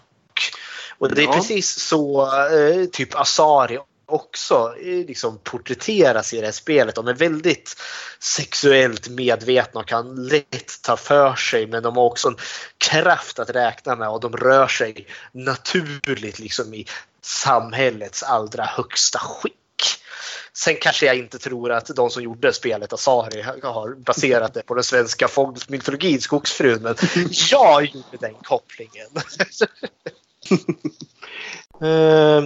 Skogsfrun var ju tydligen dålig på att ta hand om sina barn, vilket för min tanke till Mylingen. Det, nu, har ju de två, nu har ju de två ingen kontakt alls, men det vart min snygga lilla segway här. Eh, myrlingen, det var ett sånt där begrepp alltså, när jag såg Emil i Lönneberga. Eh, den när Emil blir inlåst någonstans och så klättrar han upp genom en skorsten har jag för mig. Och så kommer han upp alldeles sotig och dan och hon pigan Ida ser honom och så skriker hon i högan sky för att hon tror att det är en myrling som har kommit upp. Eh, och eh, myrling när jag tänker det, det är liksom det, det barn som har dött har jag för mig liksom kommer tillbaka, inte som en zombie utan som någon typ hämnande ande av något slag. Eh, Patrik, har du hört någonting när du tänker myrling? Så, jag får ju säga samma sak som med, med skogsfrun. Jag har bara hört det nämnas. Eh, ja, oh, du ser ut som en myling eller eh, ja, mm. oh, hej du lilla trollet. Det, jag, har, jag har liksom inte lagt någon vikt med vad det är egentligen. Så att eh, jag överlåter eh, den informationen ja. att komma ifrån er. Då bollar jag över till Martin. Har jag rätt? Är det odöda barn? Det stämmer. Eh, det här är kanske, just det som vi är en skräckfilmspodd, så är det här ett väldigt bra tema. Mylingen är kanske en av de mörkaste eh, väsen jag känner till. Eh, mylingar överlag är barn mm som har blivit dräpta av sin mor eller av sina föräldrar. Uh, i uh, ett typ av... Vi ska komma ihåg att under 1600 och 1700-talet uh, då de här sagorna oftast är i svång så, och under 1800-talet delvis så finns det ju inte någon möjlighet till abort riktigt. Nej. Det finns inga möjligheter till någon typ av preventivmedel. Och det kommer många oönskade barn. Och mm. de här barnen gör man ju sig av med. Och då uppstår ju sagor och historier om dem. Ofta beskrivs det här i vanlig ordning så är det kvinnans fel. För det är det under 1600 och 1700-talet i regel när man mm. diskuterar sådana här saker. Det har, man har en väldigt enögd syn på det här. Mm. Det är det som är så märkligt. Man kan ju tycka att det, det, krävs två för att det ska bli ett barn. Mm. Tycker man ju, men nej. Eh, det som oftast sker med de här barnen då, det som har hänt, det är att eh, om man nu ska följa sagan, det är att eh, en kvinna, i regel en, en, kvinna som ofta går ofta på logdans, som var populärt på den här mm. tiden. En syndig kvinna! Ja, den här tidens motsvarighet till ja, men klubb skulle man kunna säga. Om man går dit och man dansar och så vidare. och sen så helt plötsligt så blir den här damen i fråga gravid. Eh, och kom, när barnet är fött så stoppar hon ner det i en eh, kastrull eller gryta eller en bytta av något slag och sen så stoppar hon in den och gömmer den eh, med barnet i eh, under, vad heter det, det här logens då, under logen då. Och Ehm, det som händer då det är att när hon sen går för att dansa så börjar man höra en röst, en djup, mörk och obehaglig röst oftast som låter nerifrån golvet som säger bytta är trång, min kropp är för stor. Jag måste ut och nappa. Och sen så klagar, dra bort sprinten så jag kan komma ut och sådana här saker. Och då är det ju någon som hittar den här grytan och helt enkelt öppnar locket. Och då far det här barnet ut och då har det vuxit och blivit långt och gängligt. Och eh, sen så finns det olika versioner. Den minst groteska det är att barnet hugger tag i, i modern här och dansar henne till som dör helt enkelt. Lite som Näckensagorna. Mm. Men det finns också den mörkare varianten att eh, barnet helt enkelt vill tutta och dricker inte bara kvinnans mjölk utan även kvinnans blod tills det inte finns särskilt mycket kvar av flickan i fråga. Mm. Så det är en ganska mörk historia. Uh, Men där kommer jag att tänka på eh, förra eh, filmen om mördare, eh, Fritt vilt. För där föräldrarna där tar ju tar död på ungen på grund av att han har det här, eh, den här missfärgade i ja. ansiktet. De försöker ju, de misslyckas ju bevisligen. Mm. Ja, precis. Då kan man ju, man, man kan nästan kalla honom för en, eh, säga, myling. ja, det, Mm, Ja, alltså det finns väl en koppling skulle man väl kunna säga. Alltså, eh, mylingen ska dock vara död. Det är ett odött väsen. Det är ett dödsväsen. Det är, barn, barnet är, är dött i det här läget när det kommer ur, ur Det grytan. kan ju, alltså om man ska dra det långt så kanske föräldrarna trodde att han var död. Ja, det, det, det är också sant. Eh, mylingar kan också ibland märkas vid eh, sjöar och sådana här saker. Vid vattendrag brukar de kopplas till för att man dränkte de här barnen då. Och så brukar de komma upp på nätter och ropa och be om ett namn. Och det ska man vara lite försiktig med för man kan ge det här mylingen ett namn men ger man den, den ens eget namn då blir man tvungen att bära mylingen hela vägen till kyrkogården för den vill ligga i eh, helig jord. Va? ja, Problemet, är, problemet är att den blir tyngre och tyngre ju längre du går. ja, Okej. Och till sist så blir den så tung så att den krossar dig. Jaha, kära nån. Och sen kommer den att klaga på den platsen till nästa olyckliga person dyker upp och kan bära den hela vägen. Eller en bit till. Kära nån. Men jag Det är inget trevligt väsen det här inte. Nej, men jag tänker i grund och botten så har du också någonting väldigt otrevligt i sig. Jag tänker oönskade graviditeter och, Mm. och abort och en väldigt, i grund och botten har du ju en väldigt hemsk kvinnosyn här Mm. tänker jag. För det, det finns ju ingenting som heter preventivmedel. Och jag Nej. menar, det här har ju varit kvinnans liksom stora fälla i, i alla tider. Tänker jag. Liksom, du, du blir Mm. gravid och så är du fast hemma och så får det vara. Och jag tänkte, för, för något jag reagerar på i de här sagorna är ju just liksom avsaknaden av den här fadern. Varför vill Mylingen Mm. inte ha hämnd på, på sin pappa där då? En eh, ytterligare grotesk del i det här är att ibland så i vissa av myllingssagorna förvånansvärt många, vilket också är ganska obehagligt om man tänker rent historiskt, är att ofta är en myling ett eh, resultat av ett incestuöst Ja. förhållande också mellan far och dotter. Vilket gör det här ännu värre på sätt och vis. Mhm. Det kan ju förklara vi, vissa missbildningar eller Mm. funktionsnedsättningar också. Absolut. Det, och um, sådana här... Mylingen är liksom en... Det är ett dödsväsen, precis som Näcken. Det, det, det är ett mörkt väsen och det ja, eh, har obehagliga... Eh, ja, man, man ser obehagliga delar i vår historia när, vi läser, när man läser om Mylingen, tycker jag. Men den är fantastiskt intressant utifrån Ja, sin gud, egen ja. Skräckfilmspotential. Jag förstår inte att det inte har gjorts någon skräckfilm om den här.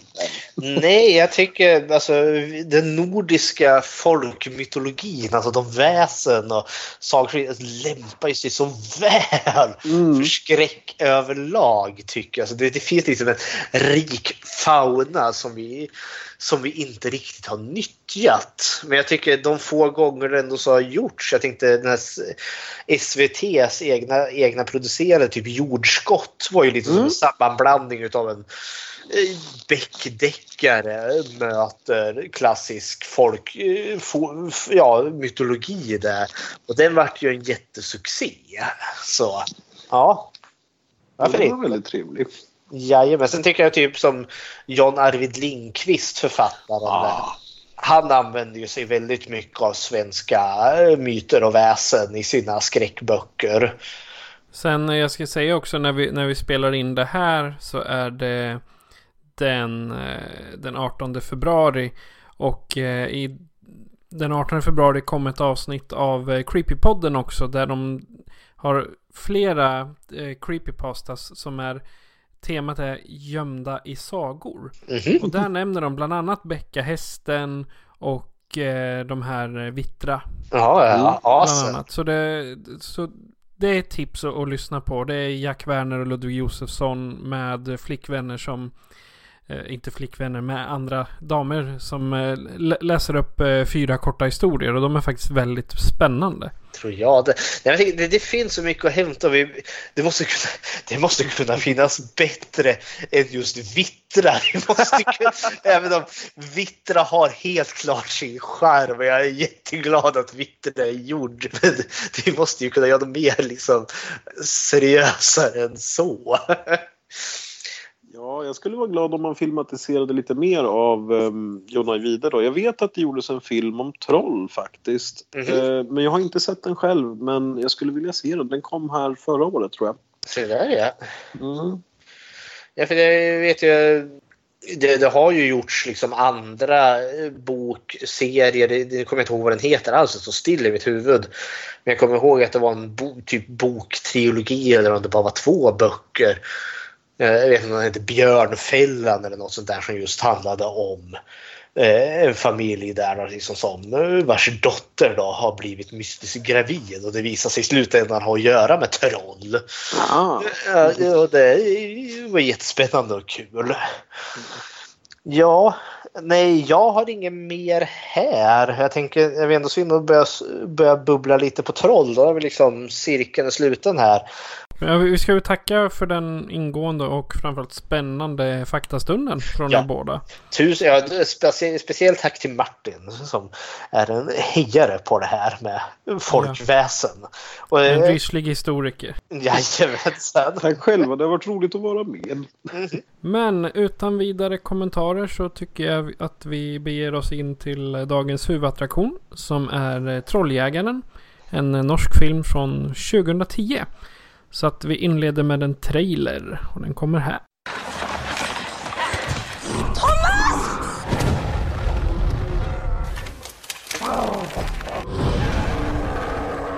Ready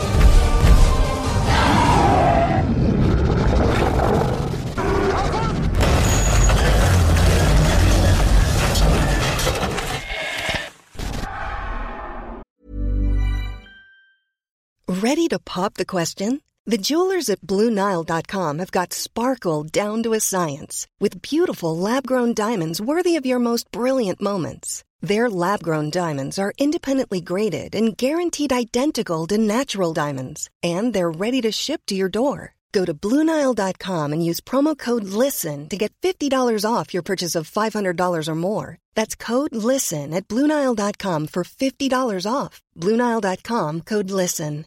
Hiring for your small business? If you're not looking for professionals on LinkedIn, you're looking in the wrong place. That's like looking for your car keys in a fish tank.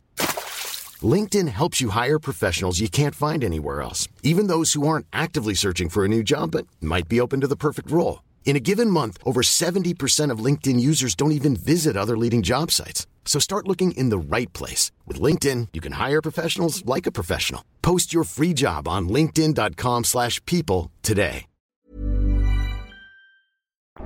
Tre studenter på medielinjen i Volda får i uppdrag att göra en dokumentär om en lokal personlighet. Valet blir en folkskygg man som kommer till byn med jämna mellanrum. När mannen väl pratar kommer det fram hur regeringen fört folket bakom ljuset i generationer. Ja Fredrik, varför valde du Trolljägaren? Trolljägaren. Jag valde ju det här lite luddiga ämnet väsen.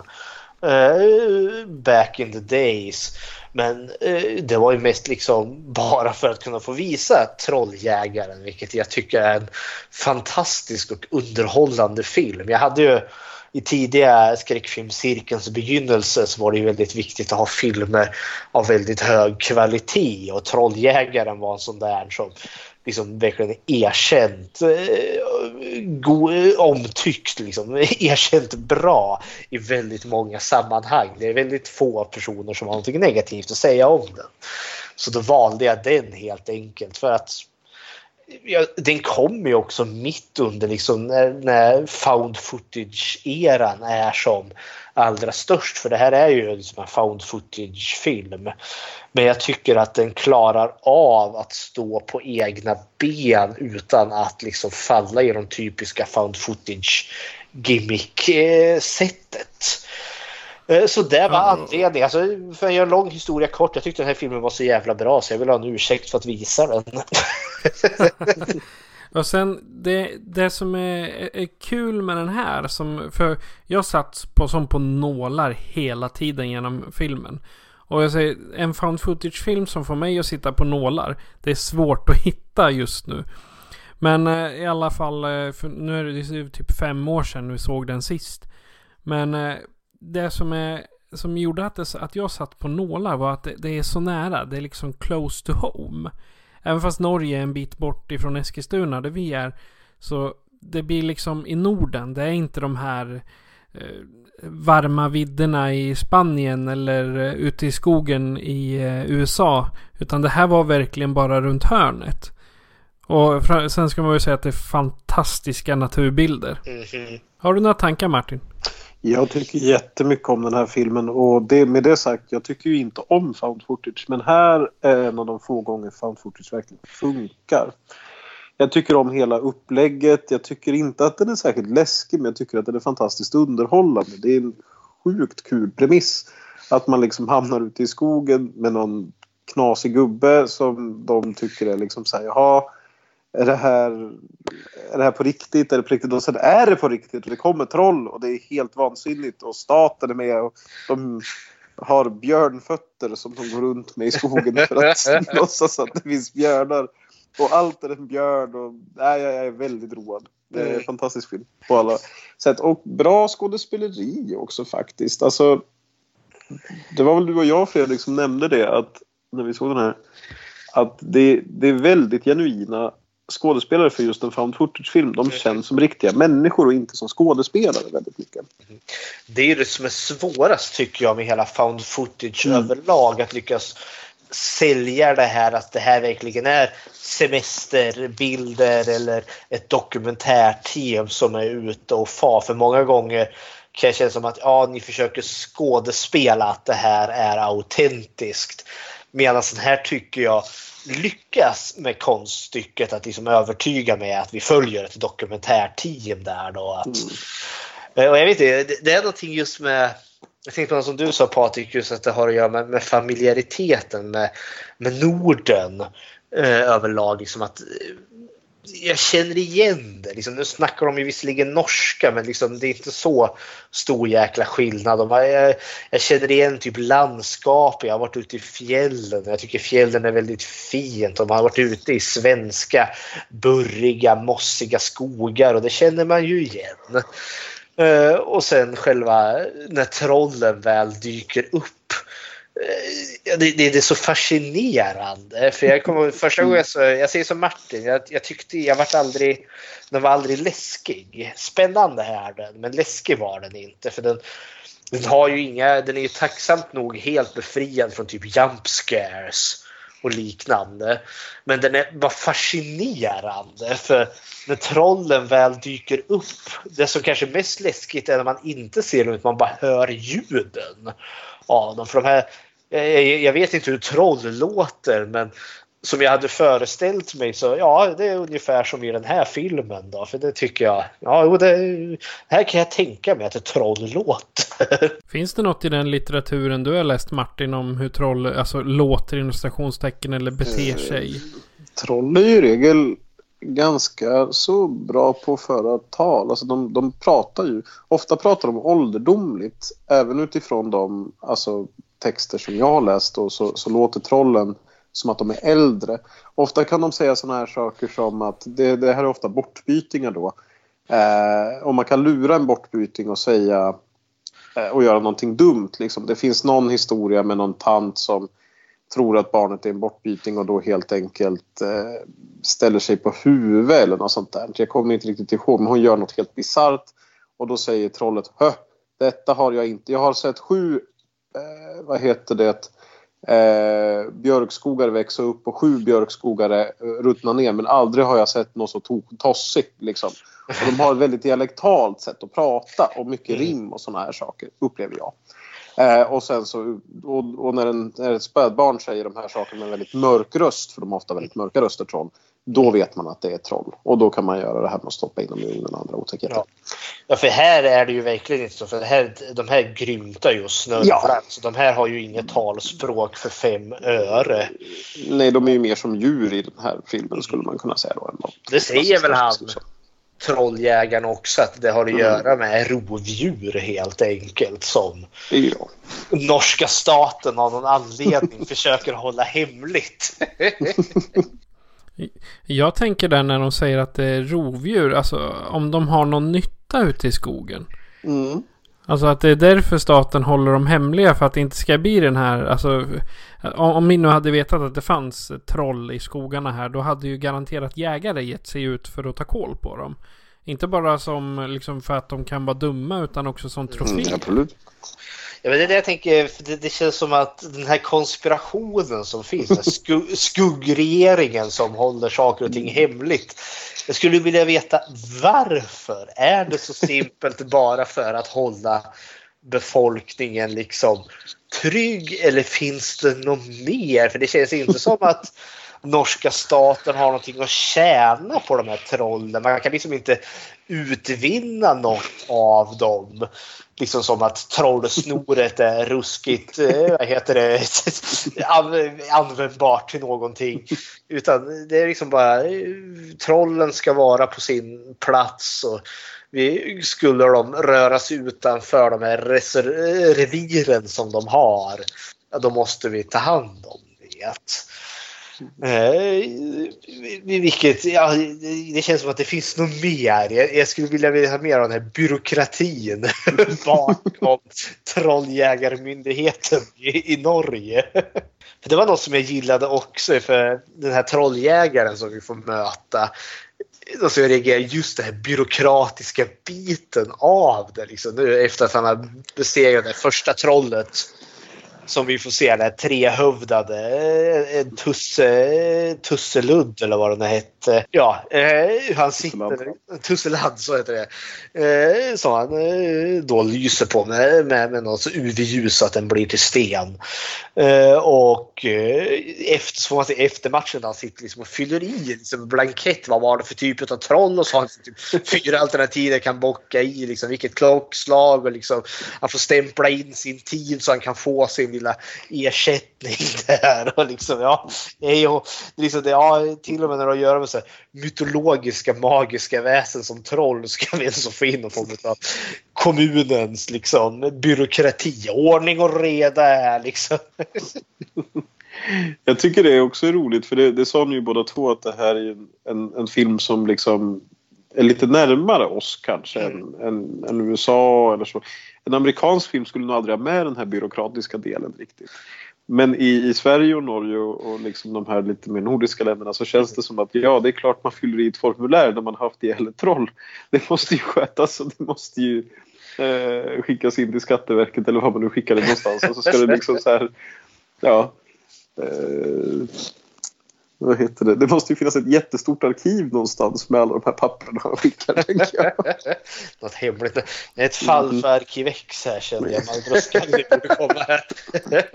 Eh, Något jag tänkt på något som jag gillar med Trolljägaren var som sagt den här avsaknaden utav jump scaresen. Alltså jag känner att den här verkligen bygger stämning. Vi har liksom inte troll som plötsligt kommer springandes skrikandes mot skärmen. Och jag tänkte du sa nu liksom att det här liksom inte en, hade det varit en amerikansk film så får jag känslan av att det hade varit liksom to go. Liksom, då de mer monstruös med klor och tänder som kommer och äter upp folk. För det, det hotet finns ju hela tiden i den här filmen. Men eh, jag känner liksom att här är det ju mer fascination och kanske mycket mer komedi i den här trolljägaren. Just att du har liksom det här helt fantastiskt magiska. Det finns troll men det, liksom, det kommer liksom i skenet av liksom det mundana, byråkratiska 9 till 5 jobbet. Liksom, här har vi gjort i alla tider och så här ska det vara. Och liksom hur, hur taffligt den här jäkla mörkläggningen är. det är väl den, så fort de har haft ihjäl ett troll, för det är väl liksom när troll har kommit lös och har ätit upp typ boskap eller något så måste de få bort det så måste de komma på någon förklaring och förklaringen är alltid att det var en björn. björn som någon har skjutit där. Ja, ja okej då. Efter den där tusseludden äh, besegrades så kom ju det här polska teamet som levererar en björn som de har typ taget på ett zoo visar det sig. Det är, liksom, det är fel. Det är, det är, inte en inhemsk björn. En typ av björn som inte skulle finnas i Norge. De tar väl in en typ rysk svartbjörn? Ja, något sånt. Och jag, gillar just de här, jag gillar just de här polackerna. För jag tänkte, är de här också med i konspirationen? Nej då, då, då var vi kontraktade. Ge oss en björn. Och de bara, vill någon ha en björn? Då levererar vi en björn. Klart vi gör. Finns det pengar? Ett vakt från Russia here. No problem. jag tycker det är så fantastiskt. Mm. så uppenbart att den här liksom hårt bevarade hemligheten är den så jävla hårt bevarad egentligen. ja, för det är väl, man får reda på liksom i, i, i bakgrunden. Det inleds med att man får höra någonting på radion. Var det tyska turister som har försvunnit. Och under filmens gång så får vi höra sen på radion också att ja, jo, nu, de här tyska turisterna har hittats och liksom, har blivit slagna av en björn. Okej, okay, det är så fort det har hänt någonting folk då, då är det en björn. Du kan liksom lita på att de var ett troll egentligen. Har vi några kommentarer om eh, karaktärerna? Ja, som sagt innan, de är förvånansvärt autentiska allihopa. Liksom allt från liksom de här ungdomarna som gör student här till trolljägaren själv, till typ veterinären han träffar, även liksom de här konspirations eller han mörkläggningsgubben som är där liksom som är ute och går med de här björntassarna. Alla känns liksom trovärdiga på något vis och vänster och lagom. Alltså det är ingen som är liksom douchig och liksom alla känns genuina och jag liksom kan jag trivs med att titta på dem allihopa. Jag gillar eh, björn, alltså björnjägarens eh, stil. För han, eh, han är verkligen den här lite, ja, mm, mm, ja. Sådär, om ni, ni förstår, äldre gubben mm. som typ, man, man pratar med honom och så väntar man sig den här bara, ja men bla bla. Och så kommer ni Nej precis, det är väldigt sådär. Och när, när, när han, eh, när jag, när jag såg honom första gången då tänkte jag, är han trollvårdare? typ som naturvårdare eller mm. eh, naturparksvakt eller något liknande. Så, ja, ja, ja, för det, det, det inleds ju lite som när de, när de smyger på honom. För det är ju det här ungdomsteamet. De ska liksom äh, göra någon dokumentär om någon som tjuvskjuter björnar. Och till en början så känns det ju nästan lite som att han Eh, att det skulle kunna bli som en seriemördarthriller med en trolljägare som bor i sin sunkiga eh, vad heter det, husvagn och sin ganska eh, skruttiga eh, jeep där. Så det skulle kunna lätt bli en sån liksom, thriller där, liksom, där han tar ungdomarna till fånga, typ som morden i Wolf Creek. Men han är ju ganska sympatisk ändå tycker jag. Men liksom lite sliten, har lite dåliga arbetsförmåner. Han får ingen risk tillägg och ingen OB-ersättning. Han har det tungt stackarn. Men jag, jag tolkar det som att han höll ungdomarna på avstånd för att han just inte ville sätta dem i, alltså i fara. Så egentligen, även om man bety, beter sig som väldigt otrevligt så gör han det för deras bästa. Han gör det också för sitt, tänker jag. För han, han säger ju det att han han är ju så trött på de här villkoren så han hoppas väl lite att den här eh, dokumentärfilmen kanske ska ge lite eld i rumpan på dem som eh, ja, de här mörk, mörkläggnings... Vad är det? T, TST. Eh, mm. Trollsäkerhetstjänsten eller vad det är. Att, att han kan få det lite bättre i slutändan. Sen, Sen tolkar jag honom som lite ensam där. Han söker nog lite sällskap. Jag menar, det är han som bor i sin jävla husvagn full med trollsvansar som luktar apa och död. Han har ett ganska ensamt liv den här stackaren. Jag gillade hur, hur veterinären bara Ja, det, det är så här och så här och så här och sen ringer hon upp honom och bara Den har rabies. Mhm. Jaha. Ja, inte fast. Inte så konstigt att trollen är förbannade då. Nej. Det är det som är stora plotten där då. Det är Typ, eh, vad är det? De, fl- de flesta, många gånger så är det lugn och ro i de här eh, reviren. Men nu har det, det verkligen spårat och det är tydligen rabies som går trollen sinsemellan. Jag gillade hur de kunde sitta och diskutera liksom reproduktion, deras anatomi. Och det, det lät mera som att de pratade om möss och inte om troll. Ja, det var väl det jag gillade med det, just att du fick den här liksom eh, typ eh, fantasin, sagan möter vetenskapen. Det tyckte jag var jätteroligt. Har du några tankar Martin? Kring eh, anatomin och så på troll eller på i filmen. Ja, överhuvudtaget. Ja, alltså jag tycker också att det är roligt hela det här vetenskapliga sättet de beskriver det på. För det var som... Jag tror vi pratade lite om det, du och jag Fredrik. Hur tusan kan det lukta sig till kristet blod då? Vad är det som händer rent så här eh, i, i, i troll... Eh, alltså, vad, vad är det som händer när man blir döpt då? Är det liksom någon sån här konstig... Ja, Ja, alltså, jag, jag, sig? jag ställde frågan här liksom. Är inte, är inte trollens existens och eh, deras förmåga att lukta sig till kristet blod ett bevis för att Gud finns då? Och då borde det vara omöjligt för trolljägaren att liksom kunna vara trolljägare. För det krävs att han är ateist. Så, så börjar vi liksom fundera, liksom, har, har det något att göra med genetiken? Eller något? Ja. Jag tror, på, jag tror på Gud och då ändras någon DNA-grej så det utger någon specifik doft sen. Ändras någon, någon, någon parameter i hjärnan eller så. Man vet inte riktigt. Jag tycker det är fruktansvärt kul i alla fall. Ja, för det, det visar sig att deras kameraman är ju Kriston han blir ju uppäten utav påvergubbarna. här. Så får de in en Jag, jag gillar då när, när, när hon eh, nya, kommer, nya kameramannen kommer och först han frågar Du vill inte kristen? Nej, det visar sig att hon är muslim. Då går det bra. Då går det bra. Trollerna de är liksom bara Kör bara Ja, på Gud. Ja, nej, men det, det, det, den är ju väldigt underfundig den här filmen tycker jag. Det- det- Den är smart och intelligent och rolig rakt igenom. Och så tycker jag specialeffekterna är helt fantastiska. För, ja, den är gjord 2010 och trollen är ju CGI helt klart. Men de funkar så väl tycker jag. Ja, det var något jag antecknade också att de är väldigt väl bearbetade effekter. Och så gillar jag i slutet är väldigt bra just när nu äntligen alltså det kommer ett bergatroll där på slutet. Och det är så imponerande, så stort och massivt och mastigt. Eh, Liksom, ja, den här filmen lyckas leverera på, på allt tycker jag. Eh, har är det någon av er som har någon intressant fakta om filmen? Nej, jag har faktiskt inte Nej. satt någonting här. Nej. Den- Jag vet inte om ni såg eh, sluttexterna.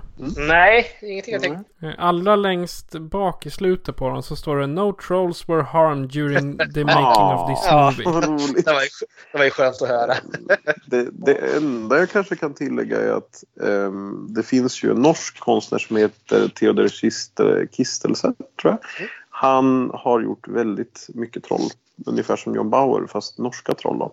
Mhm. Och bland annat den här uh, Tusseladden som dyker upp. Han eh, har målat ett troll med många huvuden som påminner väldigt mycket om det. Jag undrar om de kan ha fått mycket av sin inspiration därifrån. En tanke Säkert. bara. Vi kan ju... Om, vi, vi kan ju ta lite efter inspelningen så kan jag lägga med lite bilder på, på hemsidan. På hans troll. Då. Ja. Eh, sen jag kollade, det stod väldigt lite information på IMDB så att eh, de hade en budget på drygt 20 miljoner norska. Och första, ja, ett år efter att de hade spelat i USA så hade de gjort drygt 2,5 miljon då. I eh, 252 652 US dollar. Det, var, det, det låter inte så sannolikt att det ska vara just den summan. Men så stod det på IMDB. Och sen eh, har jag fått lite reaktioner från Facebook om filmen. Och eh, Robin han säger Jag såg den tidigt innan någon hype han nå mig och blev glatt överraskad. Eh, Joel han eh, är kort skitbra, rolig, välspelad och bäst utav allt härligt originell.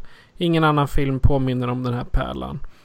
Mm, Jens, han skriver riktigt bra. Även en norsk film som visar att Norge kan när inte Sverige kan leverera sådana här filmer. Norge är bäst när det gäller. Mhm. Och så sist då har vi Elin. Hon skrev alltså Jag gillar den. Men den är mer åt vad fan var det där hållet. Än att man känner att man måste se den 17 gånger till. Ja, Så, så tycker folk. Har, vad, alltså, har ni några sista ord om eh, Trolljägaren nu då? Nej, Trolljägaren, den får två tummar upp utav mig. Den är väl värd att se tycker jag.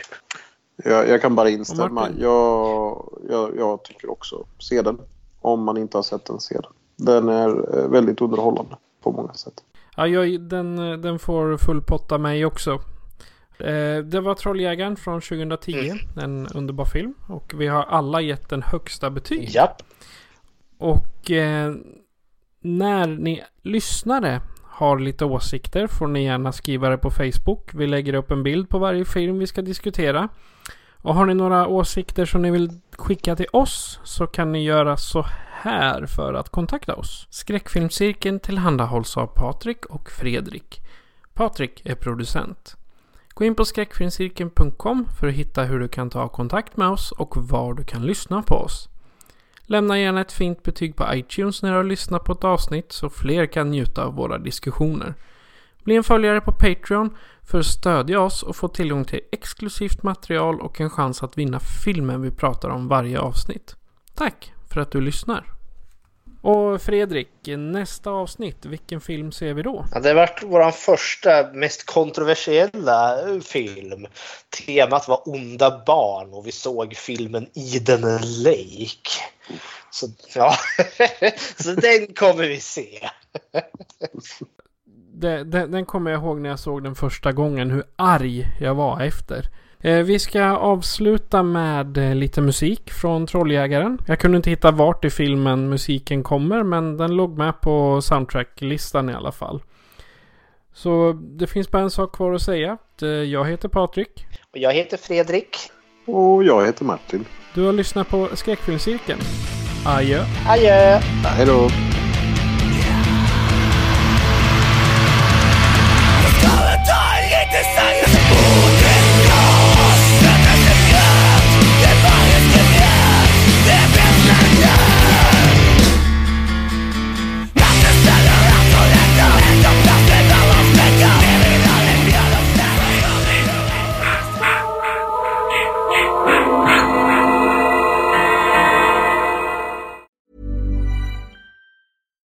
When we're on a budget, we still deserve nice things.